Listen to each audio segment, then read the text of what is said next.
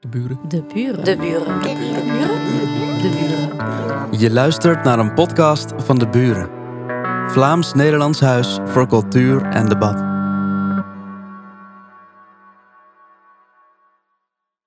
Welkom bij De Buren.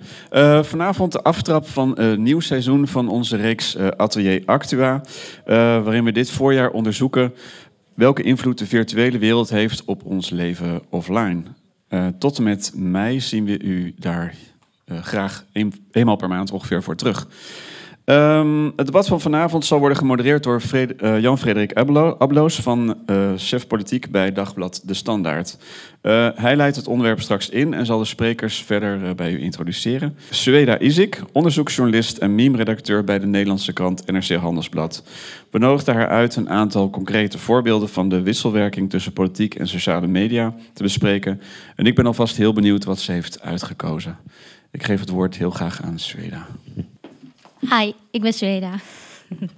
ik volg al ongeveer twee jaar ehm, het internet en social media, wat ik eigenlijk voor een groot deel van mijn leven al automatisch deed. Voor NRC schrijf ik al twee jaar over memes. En mijn eh, ehm, definitie van memes zijn eh, internetcontent, ehm, wat rondgaat en veelvuldig wordt gedeeld. Dus dat kunnen filmpjes zijn, gifjes zijn, foto's, tweets.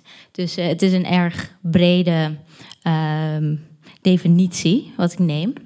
En dat komt eigenlijk ehm, eh, uit eh, een wetenschappelijke theorie uit de jaren tachtig, waarin er werd gezegd, waarin genen die zich veelvuldig vermenigvuldigen en bij elke vermenigvuldiging iets eh, eh, dat ze aan zichzelf veranderden, die werden toen memes genoemd. Vandaar dat eh, de digitale grapjes en soms ook serieuze berichten die veelvuldig gedeeld worden, ehm, tegenwoordig ook memes genoemd worden. Ik dacht, vanavond gaan we het hebben over politici en social media. En ik dacht, nou, oké, bestaat de perfecte politicus ehm, op social media? Als je het aan mij vraagt, ehm, vind ik dat Jacinda Ardern, ehm, eh, premier, eh, volgens mij binnenkort eh, niet meer. Ze heeft gezegd dat ze ehm, gaat stoppen. maar van Nieuw-Zeeland. Ik vind dat zij enorm in de buurt komt van de perfecte online politicus. Ze had ook allemaal dingen die ze zei ehm, heel erg goed aanslaan bij Gen Z. Zoals eh, in een interview werd aan haar gevraagd. ehm, eh, toen ze al premier was. eh, zij was ook, eh, zij werd zwanger. En toen werd er aan haar gevraagd. ehm, ja, wat, wat vind je ervan? Denk je dat het eh, jouw werkzaamheden, dat je zwanger bent als premier, eh, in de weg gaan zitten? en toen zei ze iets heel iconisch. Ze zei: I'm just pregnant, not incapacitated. en dit waren dan perfecte clipjes voor het internet. Die konden, zoals ik al memes definieerde, veelvuldig gedeeld worden. En telkens, en op een gegeven moment werd het ook zo'n meme dat wanneer iemand ehm, zwanger was of wilde zeggen van ik kan dit wel, dan, dat ze dan zeiden zo van I'm just pregnant, not in- incapacitated. Het jonge publiek van het internet ehm, vond dit ook eigenlijk, die kon haar herkennen hierdoor als een eigen tijdsleider. En dat werkte enorm in haar voordeel. Tot het niet echt helemaal werkte. Ehm, want het was niet alleen maar een plek vol liefde, het internet voor haar. Ehm, nadat ze zei dat ze ermee stopte, zeiden ook eh, belangrijke politici eh, in Nieuw-Zeeland die speculeerden dat de online haat en eh, de, de bedreigingen naar haar eigen adres, naar haar ehm, man, eh, naar haar familie, dat die bijgedragen zouden kunnen hebben voor haar aftreden. Ehm, de Groene Amsterdammer heeft een eh, heel eh buikonderzoek uitgebracht in eh, 2021, waarin ze ook aantoonde door middel. ehm, ze hadden data-onderzoek gedaan naar alle tweets die vrouwelijke politici kregen. En daaruit bleek gewoon dat 10% van alle tweets gericht eh, aan vrouwelijke politici eh, gewoon haat en agressie bevatten eh, en vuil waren. Ehm, en dat werd heel persoonlijk heel vaak.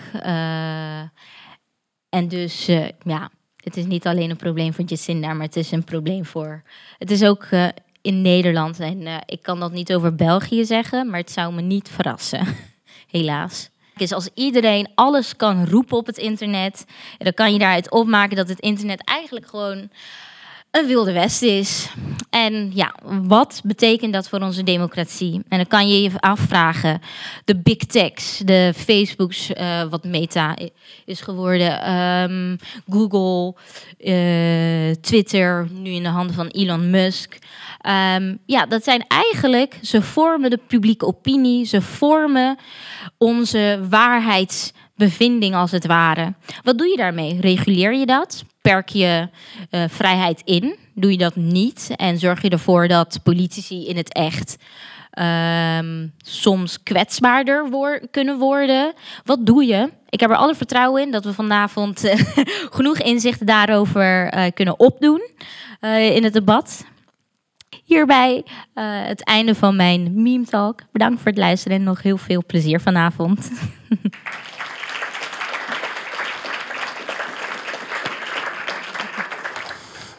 Zo, goedenavond iedereen. Uh, leuk om te kunnen beginnen na deze interessante voorstelling. Uh, dat we helemaal mee zijn met het thema. Internet, de memes erop, de leuke humoristische kant van de zaak, de vilijne kant van de zaak. Wat ik vooral onthoud is de vraag, ja, als het een wilde westen is, moeten we het dan reguleren? En uh, zo ja, op welke manier? Uh, ik denk dat het vooral daarover is dat we het vanavond zullen hebben met uh, deze drie uh, interessante sprekers. te beginnen hier aan mijn linkerkant Paul Tang, lid van het Europees Parlement voor de PvdA, de Partij van de Arbeid. niet te verwarren met de Belgische PvdA, die geen sociaal-democratische partij is, zoals de Nederlandse PvdA, maar laten we zeggen iets linkser ervan gesitueerd wordt. Um, dan hebben we Suzanne Vermeer, die uh, het uh, onderwerp eigenlijk professioneel onderzoekt aan de Universiteit van Amsterdam. En dan hebben we Peter de Rover, die in het federale parlement zit voor de NVA. Um, en misschien is om te beginnen bij jou, Paul, um, het reguleren van dat wilde westen, dat is iets waar jij al langer mee bezig bent om dat te trachten te doen vanuit het Europees Parlement op een Europees niveau. En daar is eigenlijk recent een, een vrij concrete tekst hè, die voor ligt om het zogenaamde micro-targeten aan banden te leggen, als ik het zo mag noemen.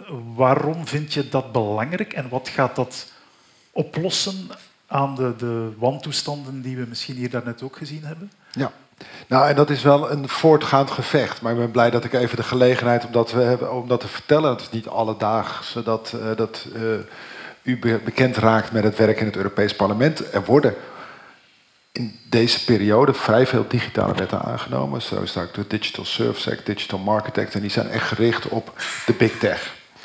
Um, en die wetten eh, proberen we ook heel nadrukkelijk het verzamelen van data en het gebruik van die data om dat weer in goede banen te, eh, te leiden. Um, dat gaat meer in het algemeen bij die wetten, maar we hebben ook nu een meer specifieke wet die nog een stap verder gaat dan wat we daarvoor hebben gedaan. Um, want het gaat niet, uh, we hebben gezegd, de kiezer bepaalt. Probeer een korte variant te doen. Als mensen na afloop meer willen weten, kunnen ze altijd naar me toe komen. De kiezer bepaalt dus de data die gebruikt mogen worden. Dat bent u. Dus we moeten zelf de data geven. Die data mogen worden dit moment overal verzameld. Zijn vaak Facebook pixels, wordt tracking cookies, wordt gevolgd op internet en al die data worden gebruikt om uh, persoonlijke profielen samen te stellen en, uh, en op die manier gerichte advertenties te geven. Dat willen we niet, de kiezer bepaalt. Uh, alleen die data. En ten tweede hebben we gezegd, het moet heel erg beperkt worden in mate, er getarget kan worden. Dat wil zeggen, die data dus gebruikt worden om te zeggen van nou, u bent een uh, blanke man die vooraan zit in de zaal met, uh, met grijs haar. Hè, dat soort informatie. Dat willen wij voor een deel dus juist beperkt hebben. En zeker in tijden van verkiezingen willen we dat beperkt hebben. Um, eigenlijk ten eerste omdat er geen verwarring mag zijn. Een partij mag niet meerdere gezichten laten zien. Die verleiding is er natuurlijk, want ja, voor jongeren heb je toch een andere boodschap dan voor ouderen. En dat ga je proberen te doen. Maar vooral om te voorkomen dat, je niet, dat er geen sprake is van manipulatie. Want dat kan dus gebruikt worden voor manipulatie. En ik denk dat het meest uh, sterke voorbeeld is uh, in de verkiezing van Trump in 2016. was natuurlijk een online strijd tussen democraten en republikeinen, is er ook getarget op uh, de zwarte kiezers. Uh, die hebben bijvoorbeeld, je had in die tijd ook de deplorables van Hillary Clinton. En dat werd gebruikt om die kiezers vooral niet naar de stembus te laten gaan. Dat waren waarschijnlijk democratische kiezers. Als ze niet naar de stembus gaan, doen we het goed. Dus dat was deel van, van, die, van die campagne, dat is een vorm van manipulatie. Het kan ook nog zijn, want dat, het wilde Westen, want het kan ook nog zijn dat het leidt tot polarisatie. Dus wat het goed scoort op internet, is als ja, wij zijn het niet eens. Dat is interessant. dus het is de ophef die regeert. Uh, en dat, dus die, die targeting kan ook gebruikt worden om juist om ophef te genereren of emoties op te roepen om bevolkingsgroepen in, uh, in opstand te krijgen. Nou, dat is wat je. dus in deze wet die nu voor ligt, gaan we dus nog een stap verder dan we al hebben bereikt eerder in die digitale wetten. En dan zeggen we eigenlijk no tracking. Dus de kiezer bepaalt welke data worden gebruikt en eigenlijk geen targeting. Zodat politieke partijen ook het voorbeeld gaan geven zoals het hoort. En we hopen daarmee ook dat het publieke debat weer beter wordt. Want een Wilde Westen is geen publiek debat. want dat is de uiteindelijke zorg, maar daar gaan we het vanavond nog wel meer over. En gewoon voor de, voor de duidelijkheid, dit, waar staat het besluitvormingsproces? Dit is nog niet in de ja. Ja, is goed punt. Dus eh, voor een deel hebben we dus al gerecht in die digitale wet zijn aangenomen, Digital Service en Digital Market Act.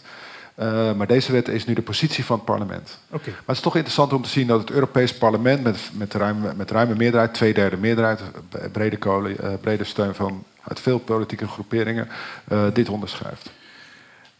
Peter, weet jij of jouw collega's in het Europese halfrond die wet mee hebben goedgekeurd? Of? Ik dacht dat de stemming nog moest plaatsvinden. Nee, de stemming is geweest. Wanneer? Is? Nee, die is al geweest.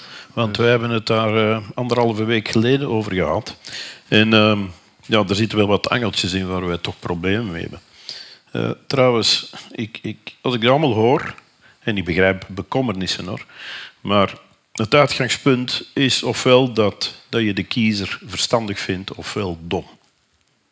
Nu, er zijn verstandige en domme kiezers, uh, maar het uitgangspunt is bij mij toch wel dat je niet te veel gaat want we willen zogezegd manipulatie tegen te gaan, maar ik heb de indruk dat daar een soort tegenmanipulatie voor wordt ingezet. Ik denk zelfs, als ik dat allemaal hoor, als we dat hadden gedaan in de, in de 18e eeuw, dat de Franse revolutie niet had plaatsgevonden. Want daar is, uh, zijn mensen geweldig gepolariseerd geweest. Daar is fake news verspreid. Marie-Antoinette was een pedofiele koningin. Uh, men heeft dan de mensen opgejut met alle gevolgen van die. Of dat nu beter of slechter geweest zou zijn voor de geschiedenis, dat weet ik niet. Uh, maar het is natuurlijk wel gevaarlijk wanneer daar ergens een, een, een soort politieke rechtbank gaat optreden om te zeggen... Nee, maar dit is geen rechtbank. Hè? Dit is geen rechtbank wat ik... Ja, ja. Ik heb gezegd de kiezer bepaalt, dat noem ik geen rechtbank. Ja, maar op een bepaald ogenblik. De dom of slim is, ik heb gezegd de kiezer bepaalt. Dus. Hmm, maar op een bepaald ogenblik dreig je natuurlijk. Um, want ik had het eigenlijk ook al over de Digital Service Act. Dus um, op een bepaald ogenblik ga je toch wel het debat omgekeerd beginnen sturen. En ik weet niet of dat per definitie een winst is. Onverminderd, onverminderd het feit, en daar ben ik het zeker mee eens, dat het debat vandaag een ruwheid heeft, die misschien niet nieuw is. Ik denk dat je vroeger ook niet in een volkscafé wilde komen. Maar die nu natuurlijk wel uh, een beetje uh, makkelijker doorzijpelt. Uh, en je hebt het fenomeen van de echokamer, van de sociale media. Ehm, doorgaans is uh, een gemiddeld bruin café diverser dan uw Facebookgroep. Want uw Facebookgroep die die zuivert eigenlijk bijna het debat uit tot gelijkgezinden. En dat heeft een bepaald effect. Je gooit iets, een bepaalde mening op, op je Facebook-profiel. Je merkt dat iedereen, tussen aanhalingstekens, het daarmee eens is. En dan stel je vast dat de politiek iets anders doet en dan krijg je de indruk dat de politie niet naar het volk luistert. En het is heel erg boeiend uh, om in een Facebook-debat eens een keer aan te klikken iemand die iets anders zegt en dan kom je in die dat andere universum terecht, waar ook iedereen het eens is, maar wel over het andere. Hoe ga je daarmee om? Dus ik zie dat probleem wel hoor. ik zie dat probleem wel. maar hoe ga je daarmee om? In eerste instantie denk ik met het kunnen en leren accepteren dat er andersdenkendheid is. En dat je ehm, daar ook geen angst voor moet hebben. En het is een zijsprongetje, maar daar vind ik dan, heb ik heel wat problemen met bijvoorbeeld het fenomeen bij studenten van safe spaces en dergelijke. En het proberen mensen uit het debat te houden, want dat zou wel eens een keer kunnen schaden. Dat zou wel eens een keer Wanneer we net onze Nieuw-Zeelandse premier zagen, dan valt het mij op dat we het problematisch vinden dat ze kritiek krijgt, maar dat we het heel leuk vinden dat ze wordt toegejuicht. Nu, het ene kan in een democratie niet zonder het andere. Dus je kan niet alleen maar toegejuicht worden. Maar de vrijheid bestaat erin dat in het debat ook het tegengestelde moet kunnen daar tegenover geplaatst worden. En daarbij vind ik nog altijd het beste antwoord op het verkeerde dus aanhalingstekens standpunt, dat is het uh, ja, met, met argumenten aanbrengen van het andere standpunt. En alles wat technologisch kan gebeuren om het idee van die, uh, die echokamer te doorbreken, daar wil ik eigenlijk een heel eind in meegaan. Daar wil ik in meegaan, want inderdaad, algoritmes hebben wat dat betreft, een, ja, die zijn gericht ergens op gericht. Tussen haakjes, niet alleen. U bent journalist. Mm ik zal niet zeggen welke krant. Moest ik nog bekennen, ja. Ja, dat, dat, eh, dat heb je wel verzwegen, dat begreep ik wel. Maar ik ga heel snel een voorbeeld geven van vorige legislatuur. Bij een krant, zoals ze niet noemen, waar een van onze Kamerleden contact heeft met een journalist met een bepaald voorstel. Wij zaten toen in de regering samen met CD&V. En die journalist zei, maar dat is interessant. Dat is een goed voorstel, daar willen we wel wat ruimte voor hebben. Hoe reageert CD&V erop? En toen zei mijn collega iets heel verkeerd, die zijn het ermee eens. En het verschoof diep weg in de krant. Had de CD&V het er niet mee eens geweest, dan had dat wellicht voor pagina nieuws geweest. Dus die mechanismen die spelen niet alleen in de sociale media. Die spelen ook in de klassieke media. Hond bijt man verkoopt uh, man bij het hond verkoopt, hond bij het man is, is, is, is iets wat niet verkoopt. Dus die, die, die tegenstelling, dat is nu eenmaal zo. Daar kan je ook heel veel regels gaan invoeren. Maar leer mensen uitbreken uit die echokamer. Maar beperk niet de ruimte om dingen te zeggen, te doen en ik herhaal ik heb het nu vooral over de Digital Service Act, waar ik het probleem heb dat de rechtspraak eigenlijk voor een stuk wordt geprivatiseerd. Men zet sociale media platformen aan om mensen uh, ja, uh, hun, hun profiel af te sluiten. Want als ze dat niet doen, lopen ze het risico dat ze tegen uh, bepaalde regels aanlopen. En daar heb ik een probleem mee. Ik zo meteen bij jou komen, Suzanne, maar ik zie jou de hele tijd al ja, ja. schudden. Dus ik wil toch even de kans geven. Heb je ook een nepnieuws alert hier of niet? Want dat zou ik ja. nog wel willen weten. Nee, dat is nou precies niet wat Misschien de kritiek samengevat in een notendop. De voorne goede voornemens, maar misschien kwalijke... Nee, even, nee, even over, over, de digital service sector. Dus daar staat eigenlijk alleen in wat tegen de wet is. Dat moet worden verwijderd. Door wie? Dat is wat de rechter uiteindelijk bepaalt. Nee, nee. nee, Zeker. Nee, zeker. nee, sorry, dat zeker. staat er niet in. Nee, nee, ja, sorry. Dit is echt, gelooft u mij, ik heb gewerkt aan die wet, dit is wat er staat. En Bent u het met mij eens? Want we moeten het inderdaad eens zijn. Bent u het met mij eens dat in de digital inhoud, eh, als je, nou, als je weet dat iets illegaal is, moet je het ook verwijderen. Wie, wie, wie moet dat verwijderen? Wie moet dat verwijderen? Degene die daartoe in staat is, in dit geval de data controller, zeg het platform. Dus, dus die moet rechter zijn. Als je bewust bent dat iets illegaal is, we zijn het eens. We zijn het eens. Dat klopt. Dus de dus, dingen die is rechter. Zegt u? Het platform wordt rechter. Nee, het platform is de uitvoerder van uh, de, de, de handhaving. moet niet eerst de rechterlijke uitspraak zijn, hè? Ja, er moet wel een rechterlijke uitspraak zijn. Want tenzij het bedrijf zelf kan vermoeden dat het illegaal is. Als men dat er een wapen wordt neergezet en je mhm. weet wapenshandel is verboden, dan hoef je niet eerst naar de langdurige proces naar de rechter te gaan om dan te zijn we dat het wapen... We zijn het eens. En dat is wel redelijk, toch? Het onderliggende punt, en dat is terecht maakt Peter het punt, dat het, het mechanisme van ophef is niet nieuw. En hè, ik ben ook politicus, uh, zeker het nationale parlement, dan maak je daar ook gebruik van. Om eerlijk, in alle eerlijkheid, je weet dat als wij het niet eens zijn, dan is dat eenmaal eerder nieuws dan als het iedereen het wel eens is. Um, waar het om gaat, en, en, dat is ook, dat stappen we ook in de 21ste eeuw, is natuurlijk dat het op grote schaal nu gebruikt wordt. Dus dat de, de platforms zijn massaal om te beginnen. En bovendien, ze versterken het. dus die ophef, die verkoop, want het zijn commerciële platforms. Ophef, verkoop, ophef, het is aandacht trekken en aandacht vasthouden. Als ik jouw aandacht heb, kan ik jou een advertentie verkopen. Dat is het model. Dus wat je ziet is dat ophef verkoopt. Op, wij zijn het oneens, dat is, dat is ophef. Dat, en dat betekent dat de advertenties verkocht kunnen worden. Facebook is eigenlijk niet, het, laat zich voorstellen als een hoogstaand technologisch bedrijf, maar dat is niet beter dan het week aan weekblad. Hebben we dat in België eigenlijk of niet? Week aan weekblad. Gewoon die, die, die blaadjes waar niet zoveel in staat, behalve veel advertenties. Dat is hun verdienmodel. Facebook is precies zo. En dat is waarom ze ook slecht zijn in het nastreven van maatschappelijke doelen. Want ja, het verspreiden van nepnieuws, samensweringstheorieën of zelfs hate speech. Ja, ze moeten het misschien wel doen, vinden ze zelf al. Maar ja, het verkoopt wel lekker. Hè? Dus daar, dat is het. En dat is wat natuurlijk in deze 21ste eeuw is gebeurd. Dus we hoeven niet helemaal terug te gaan naar de Franse revolutie of niet naar de politiek van 20 jaar geleden. Nee, dit is wat er veranderd is. En dat is waarvoor we ook nieuwe regels zullen moeten hebben. Altijd de mogelijkheid om daar kritiek op te hebben, maar er moet wel iets gaan gebeuren.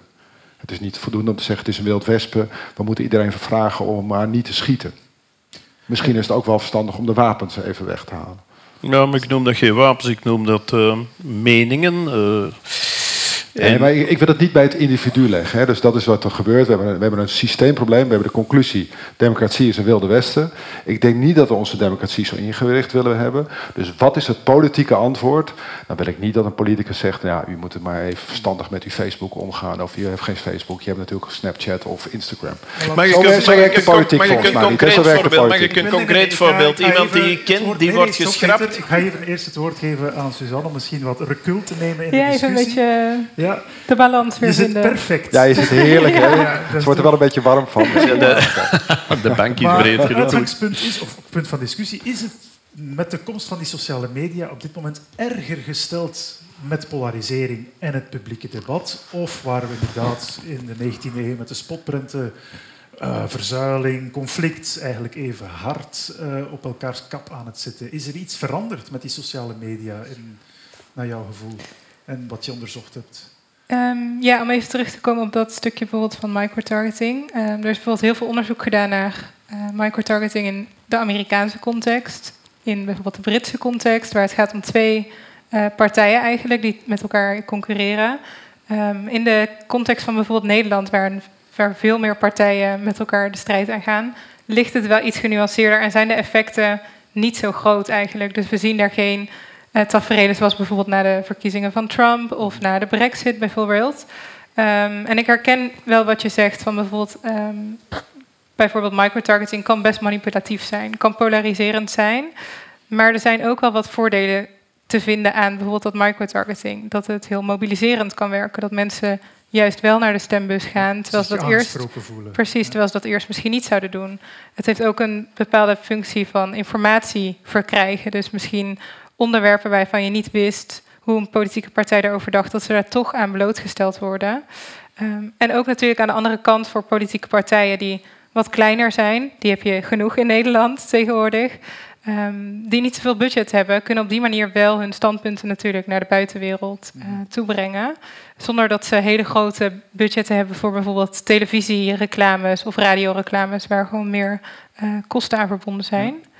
Um, dus, en als je dat in balans legt, zeg je dan van we zijn met een kanon op een mug aan het schieten? Of nee, dit moet inderdaad aangepakt worden? Ja, ik denk dat, uh, dat het vooral belangrijk is om te kijken naar bijvoorbeeld kwetsbare groepen ook. Dus um, volgens mij waar je je verhaal ook mee begon, van mensen zijn zich niet altijd bewust wat voor data ze delen, wat voor effect dat heeft, op wat voor manier algoritmes daarin gestuurd zijn, eigenlijk op basis van jouw kenmerken, op je leeftijd, je geslacht, je interesses, je politieke voorkeur.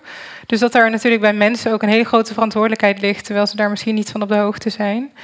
Um, maar bijvoorbeeld in het bijzonder jongeren denk ik dat het belangrijk is om dat soort groepen daarvoor te beschermen, die misschien nog geen 18 jaar zijn, maar wel um, blootgesteld worden aan politieke boodschappen, terwijl ze niet eens bijvoorbeeld stemrecht hebben. Um, dat ik denk, er zijn wel bepaalde groepen in de samenleving waar, waar je misschien wat voorzichtiger mee moet zijn. Ja. ja. Peter, onderschrijf je de, de noodzaak om bepaalde groepen, misschien dan niet de hele bevolking, maar toch bepaalde groepen, te beschermen tegen de algoritmes, zoals het dan heet? Of zeg je van ja, nee, we moeten dat vooral Kijk, uh, niet te veel gaan reguleren? Ja, natuurlijk moeten we dat niet te veel gaan reguleren, dat staat buiten kijf. Uh, maar niet te veel. wil ook niet zeggen dat, dat je dus vrijheid, blijheid, als het al vrijheid mag genoemd worden trouwens. Uh, bijvoorbeeld, ik, ik zie wel iets in om te zeggen dat, hoe dat je het ook draait of keert, jonge gebruikers van sociale media zijn natuurlijk kwetsbaarder. Dat spreekt voor zich. Dus daar uh, hebben we ook in de samenleving, sorry, ook in de gewone samenleving, uh, aparte regels voor die, die maken dat men ja, niet geconfronteerd wordt met, met allerhande dingen die we niet willen. Politiek, maar ver ook daarbuiten. Dus dat, dat, spreekt zelfs voor zich. Um, maar effectief, in de goede oude tijd, ging de CVP natuurlijk wel vooral in de parochiezalen uh, zijn publiek zoeken. Ja? Uh, die parochiezalen bestaan niet meer, dus die wereld heeft zich verplaatst naar een digitale wereld, maar ook daar heb je dus diverse groepen. En het is en blijft een makkelijke manier om mensen, tussen aanhalingstekens, te informeren. En in informatie en desinformatie, nu, dat is een grijze overgang. Want elke politicus zal bijna zeggen dat zijn politieke tegenstander desinformeert. Ja. Uh, en daar is waar ik zeer grote terughoudendheid heb, dat daar ergens een ingreep wordt gedaan. Um, ook door algoritmes. Maar dan laat je wel de, de, de Facebooks van deze wereld bepalen wat jij te zien vandaar, krijgt. Vandaar, vandaar dat ik daar straks zei dat het niet op de gebruiker is dat moet ingegrepen worden. En het voorbeeld dat ik daar straks wou geven is dat iemand die 14 dagen van Facebook is gesmeten omdat hij uh, had geschreven alle mannen zijn idioten. Omdat hij een boek had geschreven alle Italianen zijn idioten. En hij wou een nieuw boek schrijven en hij suggereerde die titel. Maar dat algoritme zegt, ho, ho, ho, wat is hier gaande? Haatspraak. En die werd dus van... Uh, dus je moet niet op de gebruiker... Eigenlijk vind ik dat die gebruiker erg veel mag. Van mij mag die erg veel. Maar de algoritmes, hoe die boodschap dan rondgedraaid en gekeerd wordt en waar die terechtkomt en waar die niet terechtkomt, daar denk ik dat we effectief wel werk moeten kunnen leveren. Daar ben ik voorstander van. Dus dan gaat het en niet... Is dat, is dat net niet wat de Europese nee, regelgeving nee, beoogt? Nee, want, want zij bijvoorbeeld, en ik herhaal het, um, bij die Digital Service Act wordt het platform, krijgt als het ware de opdracht om te speuren, bijvoorbeeld naar haatberichten. En als iemand zegt aan het platform, ik heb een haatbericht gelezen, dan wordt het platform geacht daarvan op de hoogte te zijn en kan eventueel een boete krijgen als ze niet ingrijpt. En dat wil dus zeggen dat hij op basis van een klacht zelf rechter moet spelen. En daar ligt voor mij een grote fout. Trouwens mag ik verwijzen naar onze grondwet. Die is al heel oud, maar die heeft een mooi principe. Jij kent dat heel goed. En men heeft dat in de 19e eeuw ingevoerd om te vermijden dat een uitgever een boek niet zou uitgeven uit het risico dat daar vreemde dingen in staan. Als de auteur gekend is, dan gaat de uitgever vrij uit over de inhoud van wat hij uitgeeft. En dat is een prachtig principe. En bijvoorbeeld het vanaf het ogenblik dat een gebruiker op sociale media iets doet, en dan kan je inderdaad ook nog even de oefening maken, ook daar denk ik dat ruimte is tussen een, een, een anoniem profiel. En een, uh, bij, bij Twitter krijg je dan een vinkje, of mm. een vinkje boven je vinkje, een blauw. Daar denk ik dat ook werk is. Maar vanaf het ogenblik iemand gekend met naam en toenaam zich uit in het publieke forum, dan is die verantwoordelijk en aansprakelijk voor wat hij doet. Mm -hmm. En dan zeg ik dat de rechtspraak eventueel, eventueel moet terug tussenkomen binnen de regels die wij bepalen, waar de vrije meningsuiting moet beperkt worden. Mm -hmm.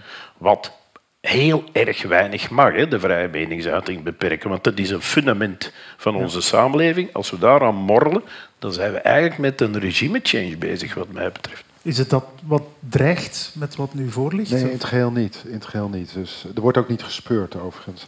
Maar even uh, terug te komen. Ik ben het mee eens met Peter dat het gaat, we moeten niet kijken naar de gebruikers. Het gaat om de algoritmes. En even om dat goed te begrijpen, moet je je voorstellen, uh, uh, lezen, lezen mensen nog kranten?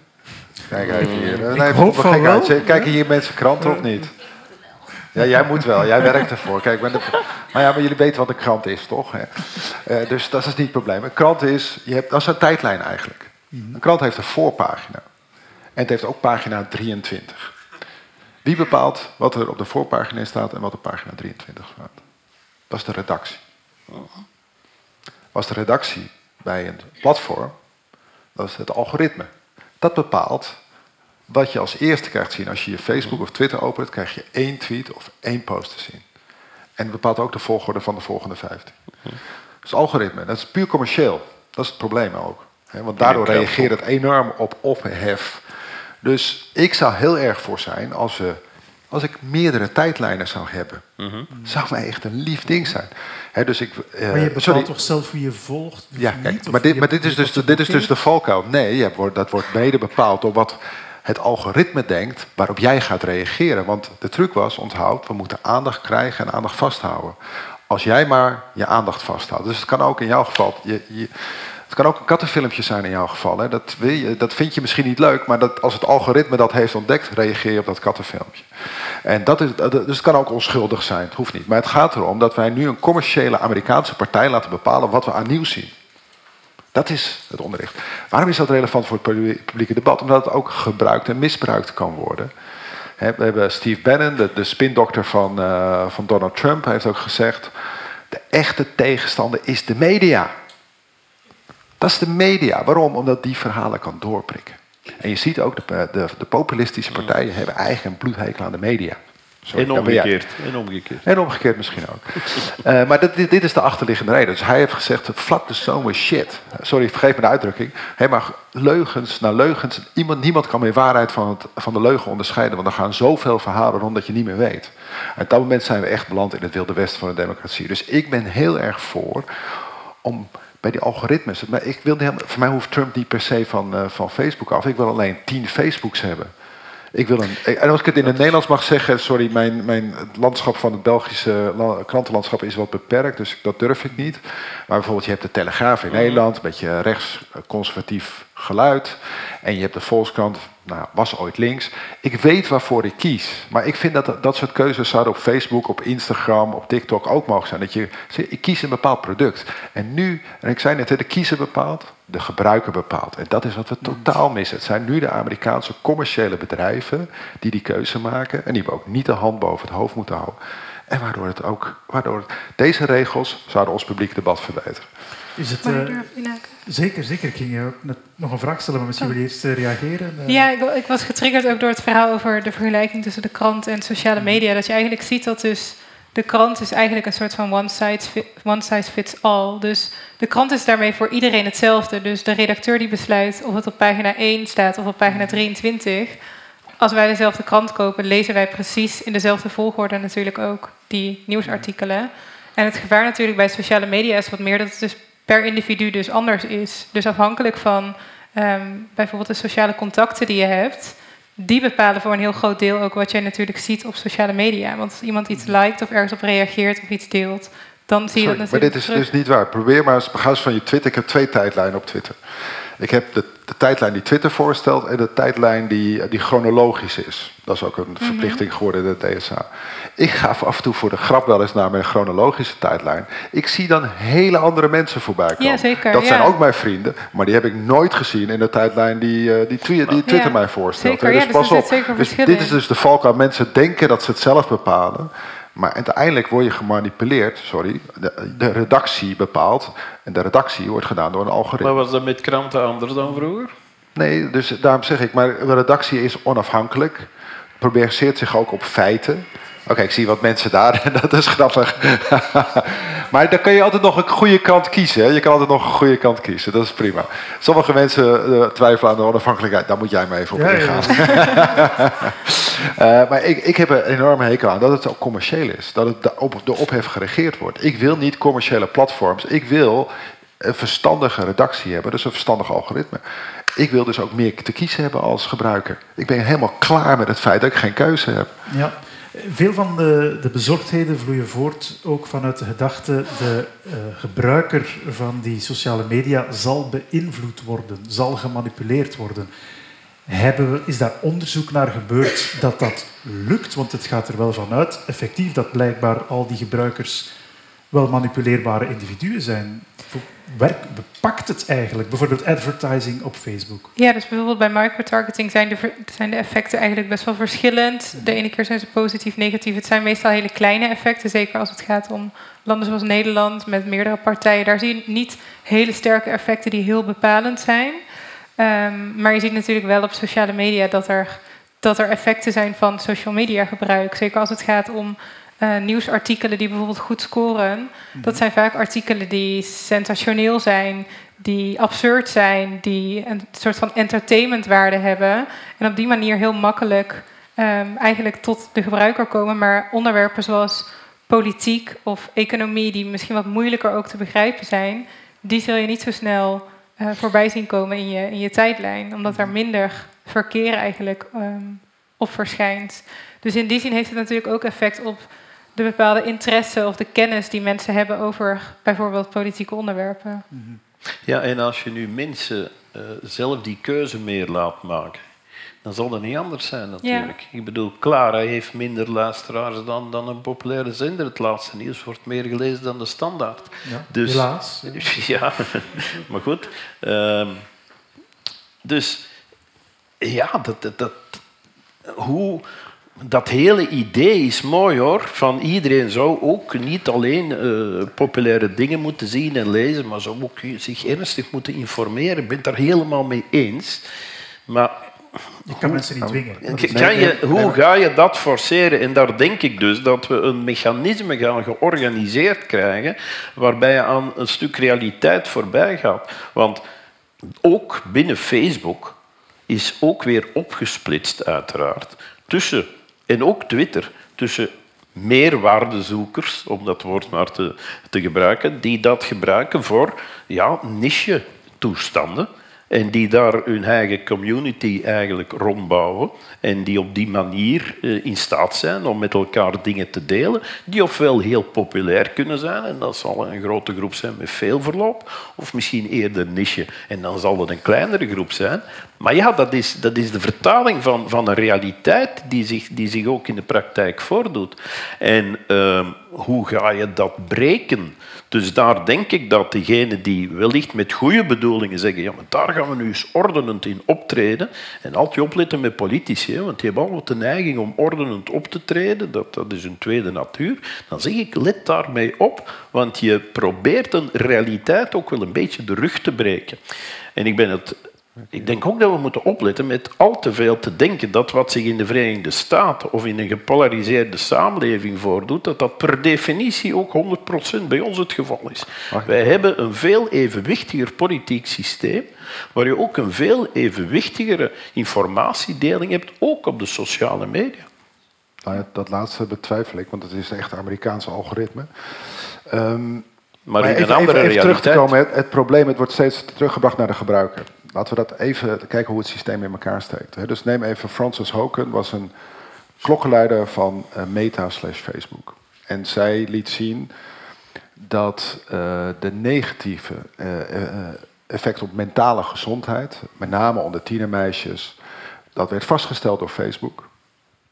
Dat was substantieel. Een kwetsbare groep, zeker op die leeftijd. En Facebook heeft er gewoon niks mee gedaan. Dit is het onderliggende mechanisme wat we doen als we commercie. Dus we geen, dit is het publiek debat.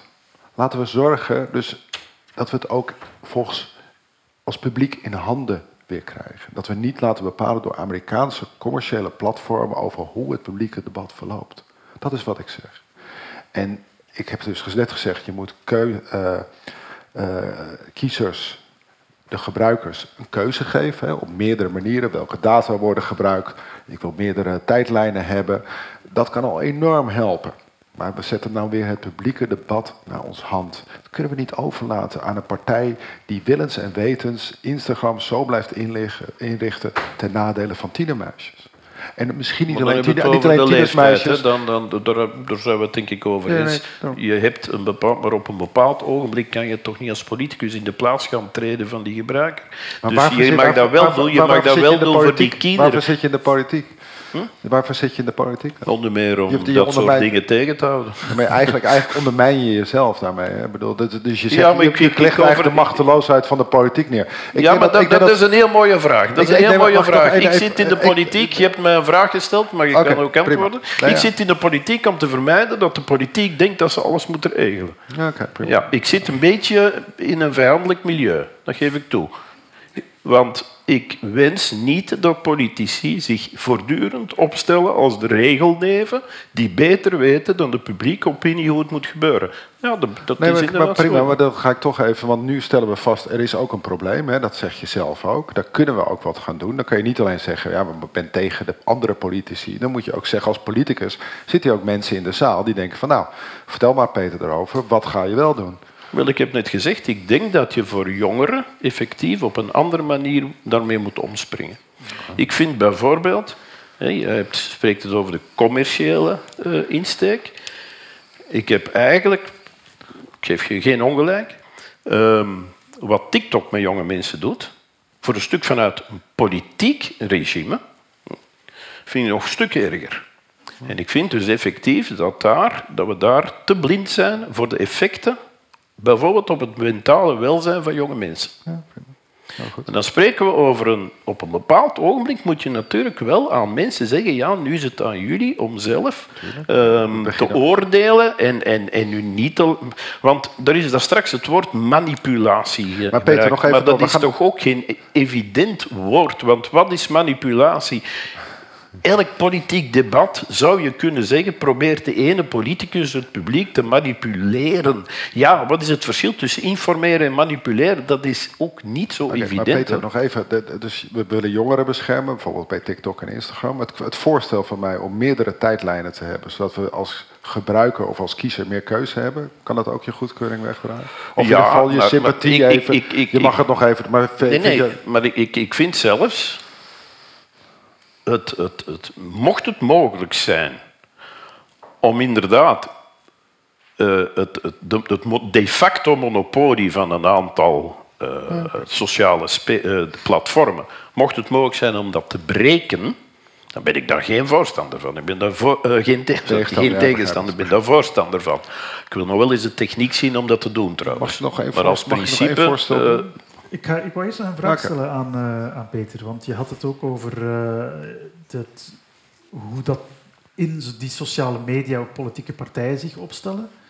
Ehm, en daarin, ja, het is geen geheim, er is in Vlaanderen redelijk veel te doen over de bedragen die ook politieke partijen uitgeven op sociale media. En ik heb er het even bijgenomen. In 2022 gaf NVA, eh, jouw partij, 1,7 miljoen euro uit aan Facebook. Dat is omgerekend bijna 5000 euro per dag mhm. dat de NVA besteedt aan Facebook-advertenties. Waarom? Ja, wees blij, dan doen we er geen andere gekke dingen mee. Het probleem zit gewoon in de partijfinanciering, die is te hoog. Ja, maar bon, niemand Maar- dwingt jullie om het hier aan uit te geven. Nee, want dit is een manier om met het publiek in contact te komen. Ik heb er absoluut. Dus ik ben, je weet dat er initiatieven zijn vandaag die ook nog eens een keer betuttelend gaan bepalen wat politieke partijen met hun middelen moeten gaan doen. Heel schoolmeesterachtig. Ik heb niks tegen schoolmeester, ik ben er lang geweest. Heel schoolmeesterachtig, alsof iedereen een klein kind is. Gaan we in regeltjes schieten en we gaan zien dat er zeker geen misbruik is. Verminder de dotaties aan politieke partijen zelfs serieus, maar wat die met die middelen doen. Is het dan beter dat we papieren folders drukken en in alle bussen gaan steken? Is dat dan een hogere manier van politieke communicatie? Ik denk het niet. Is Maar het slechter voor het milieu ook. Degene met het grootste budget krijgt wel de grootste impact. Je koopt het als het ware gewoon af. Ja, maar de partijfinanciering, dat die verbonden is aan het aantal kiezers dat je hebt, dat noemen we democratie.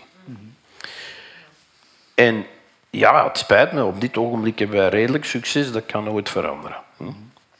Wij hebben Maar Om dat te vermijden moeten jullie 5000 euro Maar per dag... eh, let op, ja, uiteraard, dat willen we ook vermijden. Maar let wel op, wanneer ik heb gezegd dat we de financiering van politieke partijen in zijn omvang naar beneden moeten drukken, ben ik een grote voorstander van het systeem van publieke financiering van, van politieke partijen. Want het alternatief is dat je natuurlijk in private financiering terechtkomt. En dat willen we niet. Net om die reden hebben we de financiering met belastingsgeld ingevoerd. De omvang heeft zich opgeblazen om redenen dat politieke partijen die kiezers verloren, liever geen centen verloren en dus het aantal euro's per kiezers hebben opgedreven. Met gevolg dat wij ja, de winnaar van het spel waren, hoewel we tegenstander waren van, daarvan. Maar dus de publieke financiering. En uiteraard op basis van de enige meester in een democratie, dat is het stemhokje. Ja, daar ben ik voorstander van. En ik denk ook de niet... PvdA eigenlijk op eh, Facebook? Ja, maar echt veel bescheidener dan dit, om eerlijk te zijn. Ik denk dat ook in de vorige Nederlandse verkiezingen in ieder geval was bijvoorbeeld CDA heel zichtbaar. Die hebben echt enorm, ik weet het bedrag niet precies, maar die hebben enorm veel geld in Met, met matig online. succes. Ja, met heel matig succes. Dus dat is niet per se een garantie dat als je natuurlijk heel veel geld in online advertenties pompt, dat dat meteen resultaten heeft. Ja. Ik sprak toevallig vandaag wel met iemand die, die bezig is met online campagnes. En die zei wel, eh, de twee belangrijke woorden om succes te hebben is bigger and bolder. Groter budget en inderdaad ophefmakende Ja. statements. Ja. En je hebt succes op sociale media. Dat is de wetten van het spel. Dus dat ga je niet veranderen. Ik denk zelfs niet met die wetgeving. Nou, kijk, wat, wat ik, eh, het, dus het algoritme is eh, om aandacht te trekken en vast te houden. Dus als je daar doorheen kan breken, dan veranderen we voor een deel ook echt het spel. Dus eh, de reden wat, een van de redenen waarom dingen viral gaan, is omdat mensen het als eerste tweet zien, waardoor ze het ook weer gaan en aandacht naar getrokken is. Dat is echt wel een keuze die Twitter bepaalt, of het kan ook via Facebook gaan. Dus je kan ook andere spelregels vaststellen. En eh, daarmee ook die. Een van de dingen die daarbij ook speelt, eh, dat is mijn andere voorstel. Kijk, je ziet, en dat, het interessante is dat Elon Musk daar enigszins in de buurt komt. Je ziet, ehm, je hebt veel anonieme accounts. Eh, eh, wij zijn herkenbaar op Twitter. Ik heb zelfs een blauw vinkje. Ehm, maar veel van die anonieme accounts kunnen ook gebruikt worden om te manipuleren. Want je neemt dan heel veel accounts en dan ga je proberen. Hè, je, dus je hebt eh, van die fabrieken in eh, Moldavië en in Montenegro, eh, die ook kunnen helpen om zo'n campagne op te zetten. Dus ik vind zelf dat anonimiteit moeten niet doorbreken. Dat is op zich een groot goed. Mensen moeten zich af en toe ook anoniem kunnen opstellen in het publieke debat ter bescherming van zichzelf. Dat geldt bijvoorbeeld voor klokkenluiders. Uh, maar je kan wel op een gegeven moment als algoritme uh, kan je ook minder aandacht geven aan anonieme accounts. Dat zou heel veel manipulatie al voorkomen. En om eerlijk te zijn, lijkt mij dit wel weer eens prettig om met allemaal geverifieerde accounts, waarvan de identiteit ook inderdaad is vast te stellen, om dan gezamenlijk op Twitter te zetten. Lekker onder ons, onder gewone mensen. En niet van al die gekkies die zich vaak verschuilen achter anonimiteit. Die te laf zijn om ervoor uit te komen. Want ze hebben geen goede reden om anoniem te zijn. Maar die alleen maar uh, klakkeloos aan het schelden zijn. Lijkt mij heerlijk. Wederom, het zou een keuze moeten zijn. Hè? Dus Twitter zou mij de mogelijkheid moeten bieden. Ik doe het nu alleen met geverifieerde echte accounts. En ik heb ook een tijdlijn met alleen maar met alle accounts, waar ook de anonieme accounts onder zitten. Ja. Hey, daarom, Peter, ik denk dat je dit zo in dit voorstel kan vinden. Maar dit is een andere spelregel die het publieke debat ook wezenlijk verandert. Want het debat wordt nu gemanipuleerd. We hebben nu klikfabrieken die ervoor zorgen dat er content viraal gaat. He, want het, is, het systeem is ook weer te manipuleren. Suzanne, ja, ik wilde nog iets aan toevoegen. Ook voornamelijk als we spreken over Twitter. Er zijn natuurlijk heel veel ontwikkelingen geweest sinds dat Elon Musk natuurlijk uh, aan de macht eigenlijk is. En veel bepaalt. Dus ook bijvoorbeeld over die blauwe vinkjes. Mm-hmm. Er was een tijdje sprake van, kan je die dan kopen? Er is bijvoorbeeld nu ook sinds ongeveer een week is bekend geworden dat de API van Twitter... dus dat is eigenlijk een tool waarmee je dus alle tweets uit het verleden bijvoorbeeld kan binnenhalen... met een bepaalde hashtag of van bepaalde personen... Uh, die wetenschappers bijvoorbeeld heel veel gebruiken, maar ook journalisten, ook politici zelfs, om te zien van hoe wordt er over een bepaald onderwerp gedacht, bijvoorbeeld over tijd. Daar wordt ineens een betaalmuur voor gezet of wordt ineens de toegang toegeweigerd. Voor wetenschappers was deze tool eerst gratis. Nu is het de vraag of die gratis blijft of dat er toch een, een, een, een prijskaartje aan gaat hangen. En dat zijn natuurlijk ook wel ontwikkelingen van techbedrijven die eigenlijk zoveel macht hebben dat ze zomaar kunnen besluiten, nu gaan we er geld voor vragen.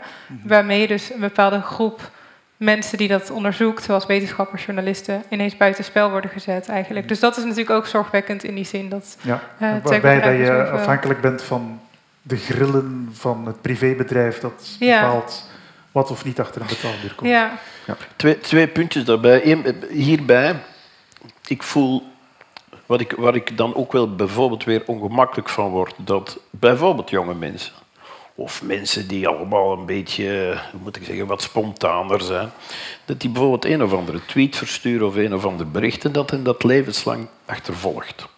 Terwijl je recht hebt op vergissingen. Je hebt recht op stommiteiten. Recht op. En stilaan heb je dat niet meer. Want dat blijft je achtervolgen levenslang. Ooit heb jij bla bla bla. Dus dat vind ik. Maar dat is Maar ja. nu wel eigenlijk wettelijk geregeld. Hè? Je hebt recht op vergeten. Ja, ja, recht op je kan het vergeten. aan Google vragen. maar- In alleszins eh, vind ik goed dat je op een bepaald ogenblik, ja, wat we in het recht de verjaringstermijn noemen. Hè. Eigenlijk- Ja, politici zijn- doen af en toe ook iets goed. eh. Eigenlijk zijn Dus dat dingen- dit recht hebben we al geregeld. Ja, eigenlijk, zijn dat, eigenlijk zijn dat dingen die, ehm, die allemaal niet nieuw zijn hoor. Dat recht om, om fouten te maken. Twee, wat Paul daar straks zegt. Ik heb heel, vele jaren lang principieel niemand geblokkeerd op Twitter of Facebook. Ik ben daar begin 2021 mee gestopt. Ik ben gestopt, ik ben dus eigenlijk begonnen. En ik ben daarbij veel minder tolerant ten opzichte van anonieme accounts. Die moeten niet al te veel doen, hoewel ik me er ook niet de hele dag mee ga bezighouden. Want zo, maar dan gooi ik ze eruit. Oh, aanval op de vrije meningsuiting? Nee, absoluut niet. Op mijn tijdlijn gooi ik eruit eh, als ik dat wil. En ik heb daar criteria voor, dus wie anoniem is, daar, doe ik het al veel sneller. Ehm, geen tegenspraak, heb ik geen probleem mee. Maar mensen die dus vervelend blijven een riedeltje herhalen, mensen die puur beledigend of, of, eh, zijn, eh, en mensen die ook manifest, manifesten onwaarheden, maar daar ben ik heel erg ontolerant in, want het woord waarheid moet je mee opletten dat je dat gaat zeggen. Ik weet wat de waarheid is, maar wie zegt dat de aarde plat is, daar heb ik geen boodschap aan. Maar op die manier hebben we ook allemaal zelf een verantwoordelijkheid. Want het lijkt wel alsof die verantwoordelijkheid ook uitsluitend ligt in het mechanisme en in het systeem. Je hebt daarin ook zelf je eigen verantwoordelijkheid te nemen. Je bent geen luie gebruiker van die Maar sociale er zijn ook eh, mensen die zeggen dat jij, zeker als politicus, parlementslid, dat eigenlijk niet mag doen, blokkeren. Want Ja. je ontzegt sommige mensen wel informatie. Mhm. Ik als ben daar... politicus. eh, Mag- Mag ik daar even Peter... ik ben er alleen mee eens, ik, heel kort, alleen mee eens wanneer ik daar te ver in ga. Maar natuurlijk heb ik het recht om iemand die gewoon niet in het debat wil deelnemen, ja, die hoeft dan ook niet in het debat deel te nemen. Nee, kijk, want dit, ik vind dat een wat raar discussie. Tuurlijk mag Peter iemand blokkeren. Eh, Ik bedoel, als we een brief schrijven naar een krant, ben je ook niet boos als je niet geplaatst wordt, want je weet dat er meer brieven zijn dan de krant kan plaatsen, om het zo maar te zeggen. En dat is eigenlijk Peter zegt, joh, van al die brieven die ik krijg, leg ik deze even terzijde en die bekijk ik wel.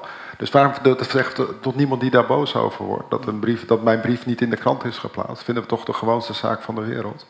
Dus ik begrijp dat, eh, begrijp dat niet, eh, niet helemaal, dus om even om eh, Peter terzijde te staan. Ehm, wat ik zelf wel lastig vind, ik weet niet hoe anderen dat ervaren, maar wat ik in het debat op dit moment wel heel lastig vind. Hè, want er zijn mensen die vallen op persoon aan. Dat kan een reden zijn om te blokkeren. Het debat moet gaan, wees hard op de inhoud, zacht op de persoon, denk ik altijd. Dat is mijn, eh, mijn eh, stelregel. Wat ik lastig vind, en dat gebeurt me niet, maar dat gebeurt me in eerste instantie op sociale media, maar ook wel steeds meer in het echte leven, is dat het gewoon heel moeilijk is om nog een gesprek te voeren. Dus dat mensen vastzitten bij, bij een vraag, argumenten niet willen oppikken. Hè, en zo, dat lijkt wel of ze zo zijn vastgelopen in hun filterbubbel. Dat ze er ook niet meer naar buiten kunnen kijken. En dat is waar ik me wel wezenlijk zorgen over maak. Ik had prima als politicus ben ik er juist aan gewend dat mensen het niet met me eens zijn. Ik bedoel, in een parlement ben ik niet anders gewend dat er meerdere politieke groepen zijn. En die zijn het allemaal niet met mij eens. En toch kunnen we goed samenwerken eh, vaak. Dus ik ben er wel aan gewend. Eh, maar wat ik lastig vind, is dat er dan geen gesprek meer mogelijk is. En dat is, vind ik wel, eh, dat vind ik eigenlijk, eh, in die zin wordt het debat verhard. En dat is misschien wel waar ik me het meeste zorgen over maak. En waar ik ook niet onmiddellijk een goed antwoord op heb. Ik zie wel dat we de spelregels kunnen veranderen. Maar het zou mij ook lief ding zijn als we die verharding, die ver- ook in personen, in het publieke debat, als we daar Ja. meer tegen zouden kunnen. Voordat we naar de zaal gaan, om daar eh, mensen hun vragen te laten stellen, misschien nog een laatste eh, bedenking. Nog niet zo heel lang geleden, ten tijde van begin 20e eeuw, Arabische revolutie, dan werd social media, die toen opkwam, heel hard gevierd als een tool die de dictator ging omverduwen. Mensen hadden nu eindelijk zelf toegang tot kennis. Het ging mensen verrijken. En heel die sfeer lijkt me gekeerd op het moment dat de verkeerde personen het begonnen aan te wennen. Trump won, er was Brexit. En plots was social media een probleem. Is het omdat de verkeerde politieke strekking er zijn winst uithaalt dat het plots een probleem is geworden, die sociale media? Is dit een complottheorie of is dit... Uh... Nee, nee, ik stel me vast. Het was ooit... Nee, we hebben, het stond op de, ja, op de cover van Time als Person of the Year, was, de, was social media. Ik, ik denk, als, als ik kijk, is het, uh, de omslag uh, wel begonnen bij ehm, de populistische campagnes uh, nee, voor dat, Trump was Obama. Hè? Obama nee, maar, heeft als eerste... Ja, nee, want Obama was de eerste. heel hard ingezet. En, en, moet, uh, maar ik denk dat als ik kijk naar de, de onthullingen over Cambridge Analytica in 2018... heb ik denk ik wel echt een ommekeer in het debat. Dus dat zie ik meer als uh, scheidslijn. Mm. Inderdaad, daarvoor... Het was niet alleen omdat uh, sociale media werden toegejuicht... omdat de rol die ze hadden in de Arabische lente. Het was ook heel sterk het verhaal van Silicon Valley, om eerlijk te zijn. Dus veel politici hebben dat ook overgenomen. Dit zijn zeer vooruitstrevende, technologisch geavanceerde bedrijven die de wereld, met, die de wereld verbinden. En die we vooral, politici vooral niet voor de voeten moeten lopen, want daar hebben ze last van. Het is namelijk heel libertair, het Silicon Valley. Die willen eigenlijk niks van overheidsbemoeienis weten. Dus dat verhaal heeft stand gehouden eigenlijk tot Cambridge Analytica. En toen begon het af te bladderen, want toen kwamen ook de voorbeelden van, uh, van vormen van manipulatie. Maar dat werd toen heel duidelijk. En dat mensen aan de zorg Hoe jij het ervaart, Suzanne? Ja, ik denk wel dat er zeker een kern van waarheid in zit. En ik probeer ook altijd in mijn onderzoek ook een beetje de positieve kanten van social media te vinden. Dus niet alleen vanuit dat hele negatieve en um, zorgwekkende gedachten, maar ook probeer te vinden van wat zijn eigenlijk nog steeds de goede kanten van social media. Wat ik zelf bijvoorbeeld heb gedaan is heel veel onderzoek dus met jongeren die uh, bijvoorbeeld WhatsApp gebruiken om nieuws te, te delen, daarover te discussiëren. Bijvoorbeeld ook Instagram stories zijn tegenwoordig ook heel bekend geworden voor jongeren om nieuws tot zich te krijgen, nieuw, politiek nieuws ook. En je ziet eigenlijk dat dat best wel positieve effecten heeft. Dus dat jongeren door middel van die platformen nog steeds um, meer politieke kennis krijgen, meer politieke interesse krijgen als ze dus uh, dat soort platformen gebruiken. Dus dat zorgt toch nog wel voor een beetje hoop voor, ik denk, sociale media in de politiek. Ja. ja. Peter, ik denk dat men hoop. toen effectief uh, de hoop overdreven heeft, zoals men nu de vrees overdrijft. Dus uh, men dacht, uh, one world, uh, flat earth, iedereen met elkaar in contact. En op het einde van het verhaal eindigt het beste. En dan zijn we allemaal heel tevreden. Zo werkt het natuurlijk niet. En dan merk je dus dat die illusie, dat men nu eindelijk in een, in een mega niveau van, van politiek en maatschappelijk debat ging komen, zonder alle nadelen van die oude brol zoals kranten enzovoort. Dat, dat was zo'n beetje de sfeer, zonder grenzen, hè, grenzeloos, dat, eh, dat die illusie doorprikt is. Uh, en dat we nu eigenlijk vaststellen dat we eigenlijk veel problemen die er vroeger waren, nu ook gewoon terug tegenkomen. Want ook vroeger, ik herhaal het, partijkranten bijna, de Volksgazet, maar ook de Standaard. Ja, dat waren geen bakens van vrij publiek debat. Hè. Dat was gewoon... De, de hoofdredacteur van de Volksgazet was de partijvoorzitter van de BSP. Die zat bij ons in de gemeenteraad, Jos van Einde. En wat pittige commentaren betreft, ik denk dat die vandaag van Facebook zou gesmeten worden, bij manier van spreken. Dus het hele idee dat je vroeger zo een, een, een forum had, een agora, waar iedereen gelijkwaardig met elkaar in debat was, dat bestond niet. En dat bestaat vandaag ook niet. En ga je dat ooit kunnen creëren? We moeten daar naar streven. Maar dan denk ik eerder met opvoeding, met debatopvoeding, met openheid voor andere standpunten. Um, en niet zozeer met het demoniseren van, van een deel. Als, als een bepaalde boodschap zo slecht is, hè, dan denk ik dat we die ook aan kunnen inhoudelijk. Eerder dan technisch uh, Waardoor we heel dikwijls de indruk wekken, want dat, is, dat wil ik nog wel even zeggen, dat veel van die maatregelen die genomen worden door die, die, die manipulatoren en diegenen die voor polarisatie zorgen, dat je die eigenlijk voor een stuk in de kaart speelt. Want dat bevestigt dat het systeem tegen hen is, wat ze zo graag uitspelen. Zie je wel, ik word van Facebook gesmeten. Zie je wel dat mijn boodschap niet mag gehoord worden. En dat is natuurlijk omdat je ze het zwijgen oplegt in plaats van daarmee in debat te treden. En dat denk ik dat dat tweede een veel betere manier is om daarmee om te springen. Dan gaan we het debat zeker verder zetten uh, met uh, mensen in de zaal. Ik weet niet of er een. Ah, ik zie Xander met een rondlopen met de microfoon. Nou, toen ik uh, 2012 begon ik al soort van de achterkamers van het internet, um, fora. Daar zat ik dan op, daar keek ik naar. Op dat moment was Facebook nog, dat was een um, chronologisch tijdlijn. Mm -hmm. Er werd niet zoveel gepusht. En ik heb gezien hoe op het moment dat die algoritmes telkens slimmer uh, algoritmes werden geïntroduceerd, op een gegeven moment had je dat het kapitool werd bestormd. Ja, op dat moment is het wel iets wat op internet heeft geborreld, wat door algoritmes bij veel mensen, het was een klein groep, en opeens groeide het publiek exponentieel. Doordat, het face, doordat Facebook de berichten bij meer mensen brachten. En uiteindelijk had je de uh, bestorming van het kapitool. Dat is wel een directe. Um, direct aanval op de democratie die we hierbij uh, willen beschermen ten alle tijden. Mm -hmm. En dan vraag ik me af, in Nederland heb je dit op microschaal ook wel eens. Um, je hebt bijvoorbeeld de fakkeldrager die voor het huis van Kaag, Sigrid Kaag, ging staan. Hij verkondigde hetzelfde, dezelfde complottheorie. En dan heb je wel dat de democratie direct in gevaar wordt gebracht. Mm. Hoe zit het dan? Van, zijn wij verantwoordelijk op dat moment om uh, deze algoritmes in te werken? Of is dat dan ook onderdeel van vrijheid van meningsuiting? Ja, kijk, uh, ik ben blij dat je zegt, dus tot wanneer was het? 2012 krijg je gewoon een chronologische tijdlijn. Ik heb heimwee daarnaar. Hè. Laten we wel wezen, want op dat ogenblik, ook als gebruiker, waar ik soms zeg, ja, wat, wat, wat, zit dat hier plots in, in mijn tijdlijn te doen? Uh, dus ik heb daar op, zich heimwee naar. Uh, maar ik weet niet of met een chronologische tijdlijn in het kapitool die zou kunnen aangevallen worden. Dus er wordt nogal makkelijk daar een... In de sociale media is er ook gigantische tegenwind gegeven aan, uh, aan wat daar gebeurd is. Ja? Je moet niet de indruk wekken alsof plots al die sociale media klaar stonden om dat kapitool mee te gaan overvallen. Trouwens, goede nieuws. Dat ding is een, een, een aangelegenheid geweest van een kleine minderheid die, die niet... Ja, die, die ik vind dat daar de, de, weer, de veerkracht van de democratie ook getoond is.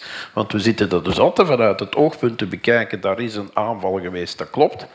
Maar er is een gigantische veerkracht geweest van diezelfde democratie. En dus zeggen dat het ene één op één te maken heeft met het andere. Want vroeger was er geen polarisatie. Vroeger werd... Uh, dat, dat, is natuurlijk niet zo. Je moet niet verwijzen naar een goede oude ja, tijd Peter, die niet bestaan. Het begrip viraal gaan is van nu. Hm? Het, begrip, het begrip viraal gaan is nu. Dat was het tien jaar geleden of vijftien jaar geleden niet. Dat is geïntroduceerd met de like, de retweet uh, button. Dat is door, echt door de verandering in de sociale... We hadden geen meme-redacteur gehad zonder de like- en retweet-button, zou mijn stelling zijn. Dus we, hebben ook, we, we winnen af en toe ook nog wat met uh, net wat je zegt. Want je hebt wel gelijk, er zijn ook positieve kanten aan sociale media.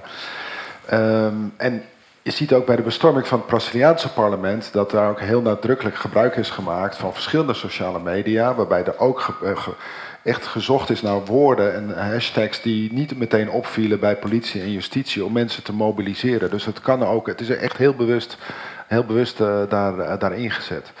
Maar dat is precies de reden waarom ik ook met het voorstel kom om, om en dat, dat voorstel, je kan het radicaler doen, maar ik hoop dat dit voorstel ook echt brede steun kan krijgen. Want om mensen veel meer keuze te geven in welk algoritme ze krijgen. Want mijn probleem is nu ook, dat mensen zeggen, ja maar ik bepaal toch mijn tijdlijn, want ik kies toch mijn vrienden. Uh, nee, dat heeft te maken met wat je aandacht trekt. Dat is wat het algoritme, waar het algoritme voor kiest. Op het moment dat die keuze voor die algoritmes er komt, ben ik ervan overtuigd dat we ook gaan nadenken van wat zou eigenlijk een goed algoritme zijn. Mm. Uh, en dan kun je ook misschien ook, heb je misschien ook nog wel verschillende voorkeuren. Maar dat is een van de manieren waarop ik denk dat we het ook echt wel uh, kunnen kantelen. Is ja, en ik wil nog, ja. nog één ding toevoegen. Um, wat je ook ziet in Nederland bijvoorbeeld rondom die corona koffie drinken demonstraties, is dat je ook ziet dat grote groepen mensen zich ook uh, verzamelen in andere sociale platformen, zoals bijvoorbeeld Telegram. Uh, dus dat het niet zozeer afhankelijk is van algoritmes, maar ook dus van andere platformen die bepaalde manieren van communiceren weer mogelijk maken. Uh, waar je heel eenvoudig lid van kan worden en op een makkelijke manier met 50.000 anderen over dit soort onderwerpen kan praten. Mm -hmm. ja.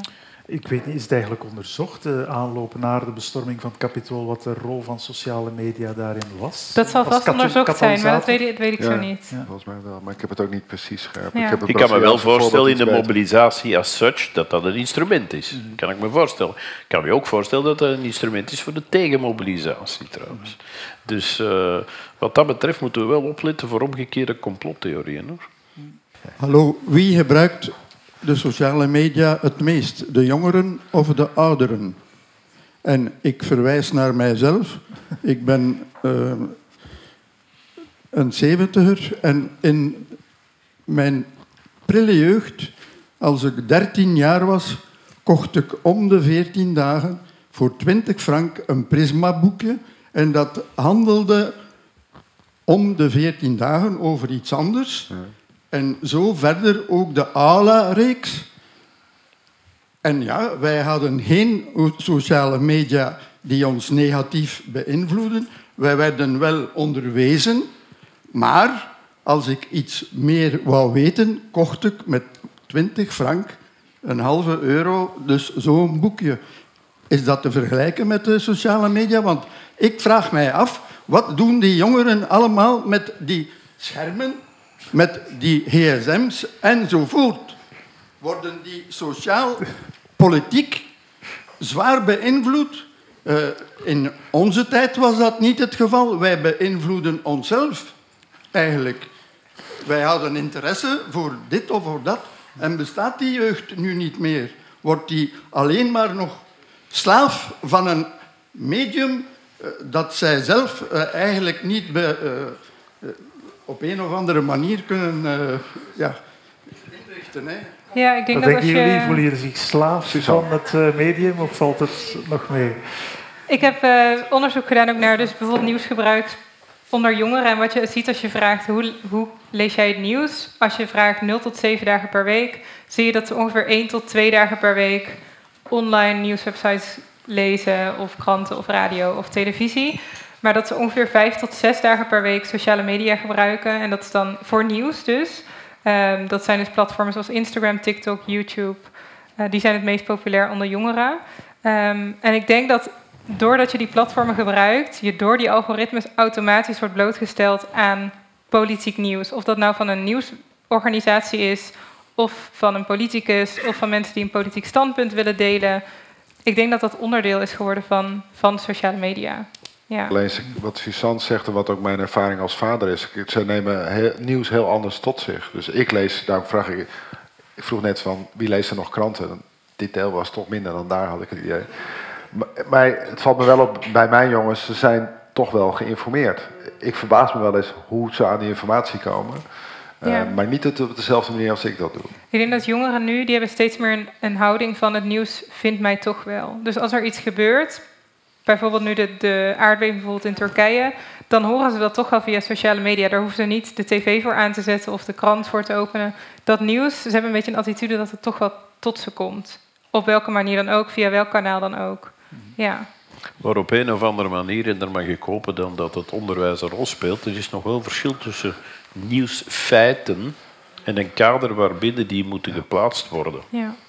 Um, en dat, het, het, op, het binnenkrijgen van nieuwsfeiten, denk ik dat eerder gestegen is dan gedaald. Mm-hmm. Misschien situeert het probleem, misschien, ik ben voorzichtig, zich eerder in het kader waarbij je die moet gaan plaatsen. Maar het pure binnenkrijgen van, van het woord zegt het, voeding, maar dat duurt maar tot smiddags, dan heb je weer voeding nodig daar denk ik dat we ons eigenlijk geen zorgen moeten maken naar de hoeveelheid. Ja. Zonder? Uh, ja, mijn vraag sloot er eigenlijk heel erg uh, bij aan.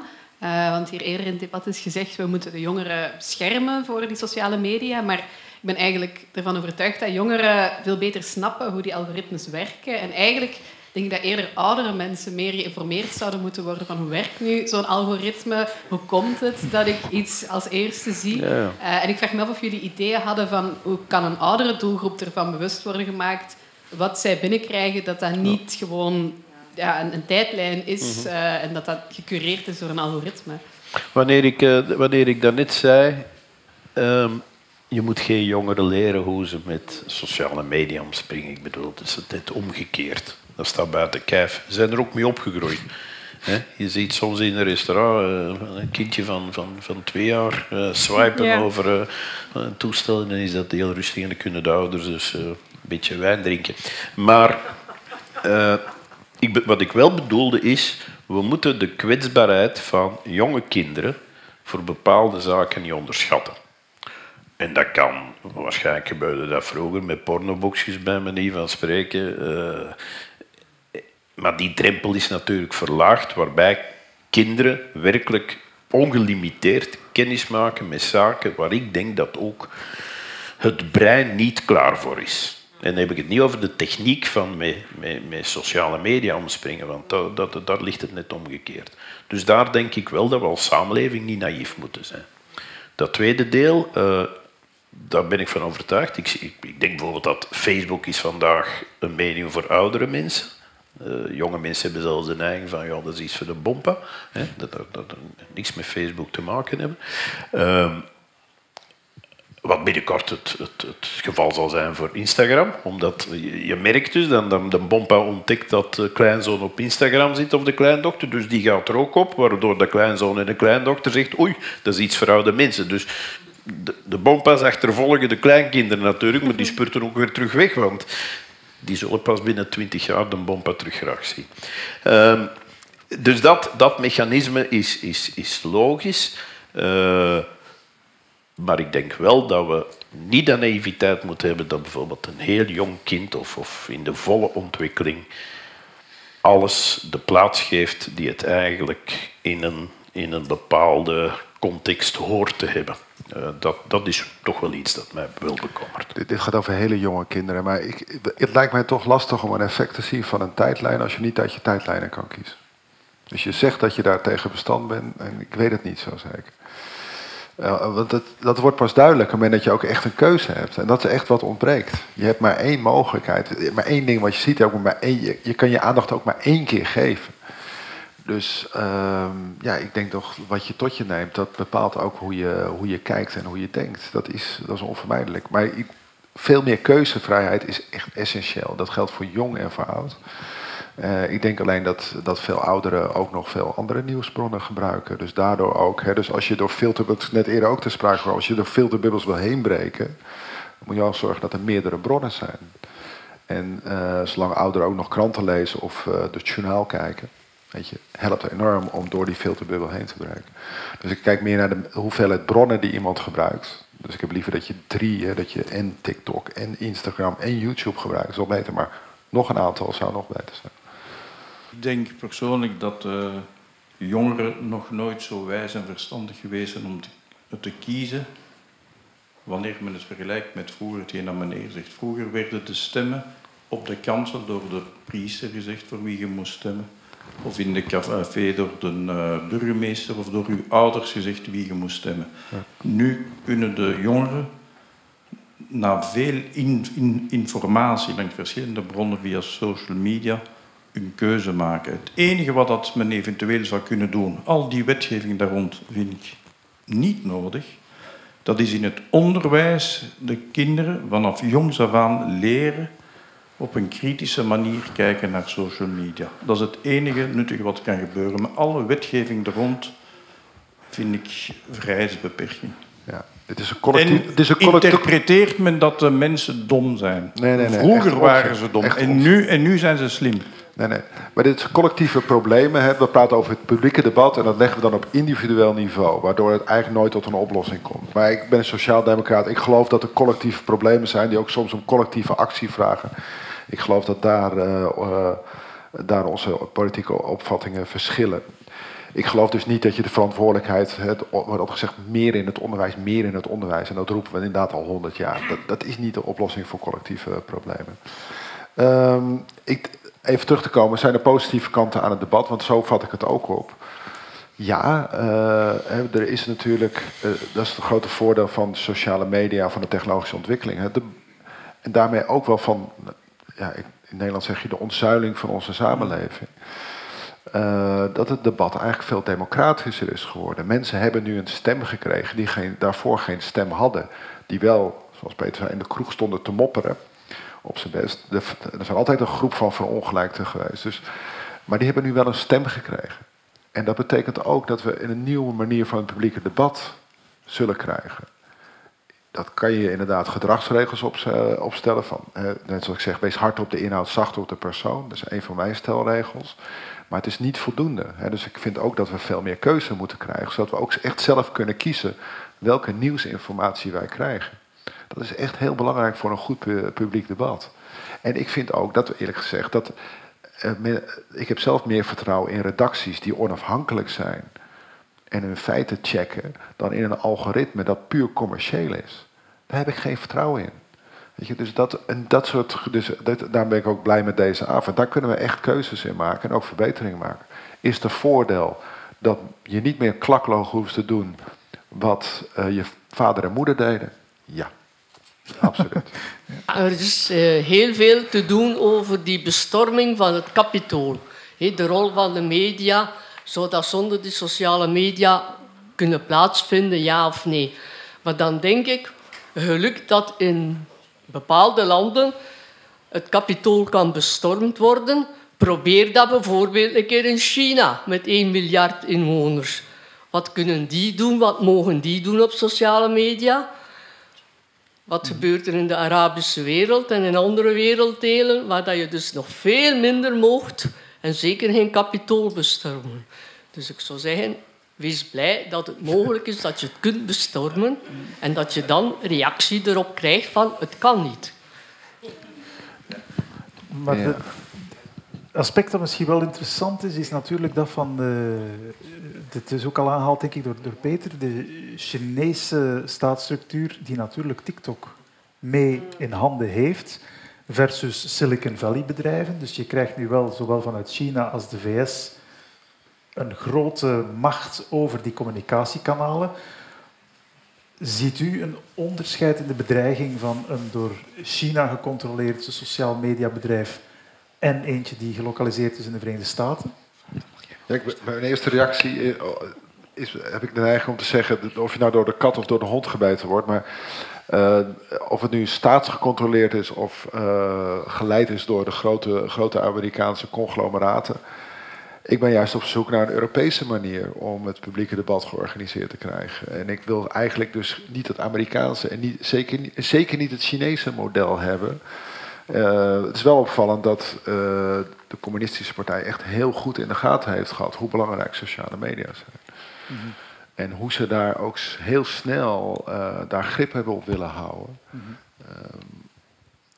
dus veel van de, de, wat wij gewend zijn op Twitter kan in China niet. Mm -hmm. dus daar zie je hoe belangrijk eigenlijk ook wel weer die, die media zijn. En dat, je moet wel zeggen, ondanks het feit dat het uh, het politbureau in China toch gemiddeld boven de 80 is, hadden ze dat toch wel goed door. Bijvoorbeeld TikTok werkt anders in China dan hier. Hè?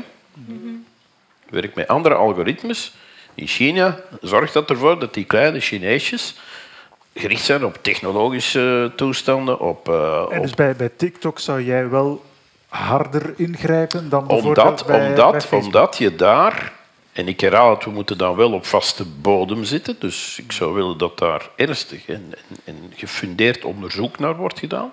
Als dat wordt gebruikt als een oorlogswapen, uh, ja, dan moet je natuurlijk gewoon, zoals bij elke aanval, uh, dan moet je erop reageren. Uh, het feit alleen al dat men in China zegt, ja, we gebruiken andere algoritmes bij ons dan de TikTok die we op de wereld, moet alerteren. Dat moet uh, bezorgdheid wekken. Ik wil dat hier niet afronden door te zeggen ik weet het, want die bescheidenheid wil ik wel aan de dag leggen.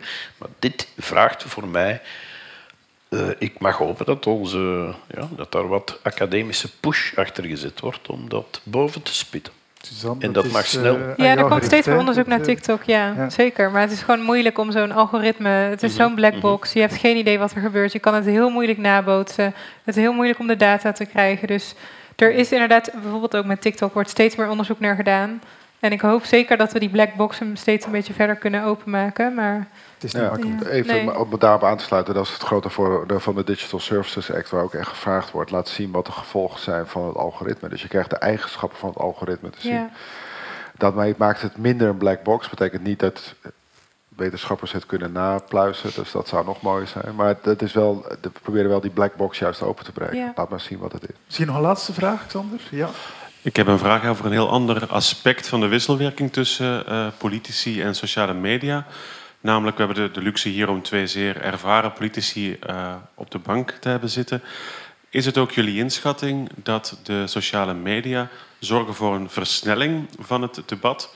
Namelijk dat politici eerder geneigd zullen zijn om mee te gaan in hypes, in trends, in dingen die op sociale media zeer levendig zijn. En dus zelf het debat ook daarmee versnellen, zowel vanuit parlementaire vragen als vanuit dingen die door ministers geagendeerd worden? Of was dat eigenlijk altijd al zo en zien we dat nu gewoon beter aan de oppervlakte komen?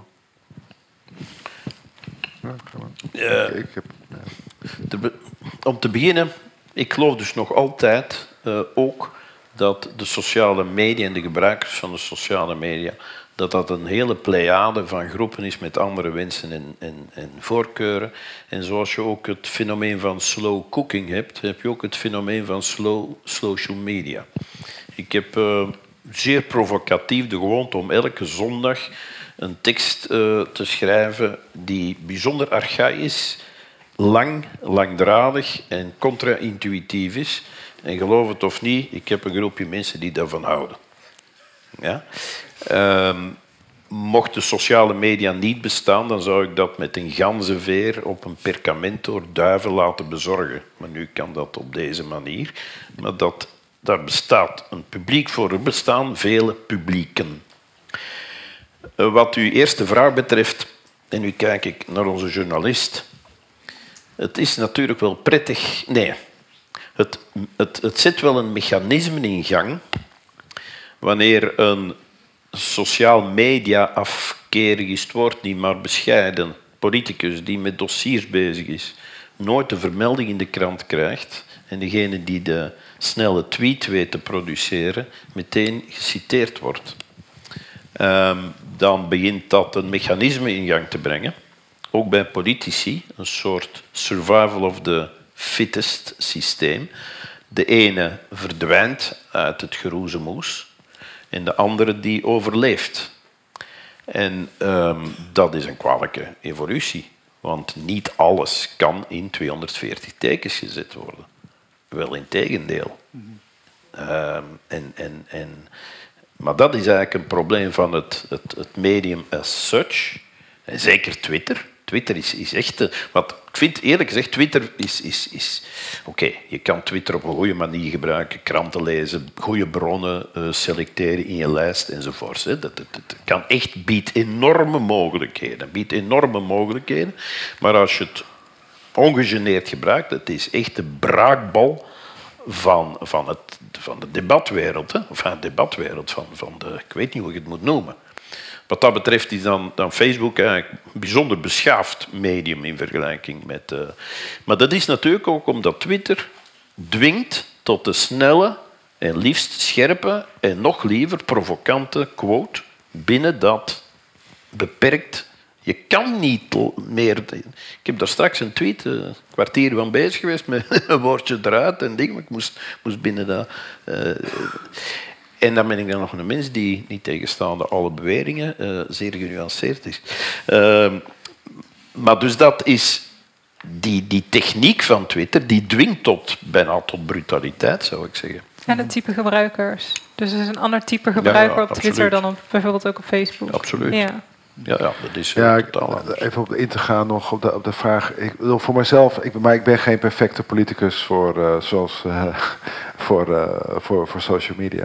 Ik heb heel mijn werkwijze niet veranderd. Ik wil nog steeds, als ik iets zeg, wil ik weten dat, het- dat het onderbouwd is. Dat ik het in ieder geval roughly right en niet exactly wrong zit.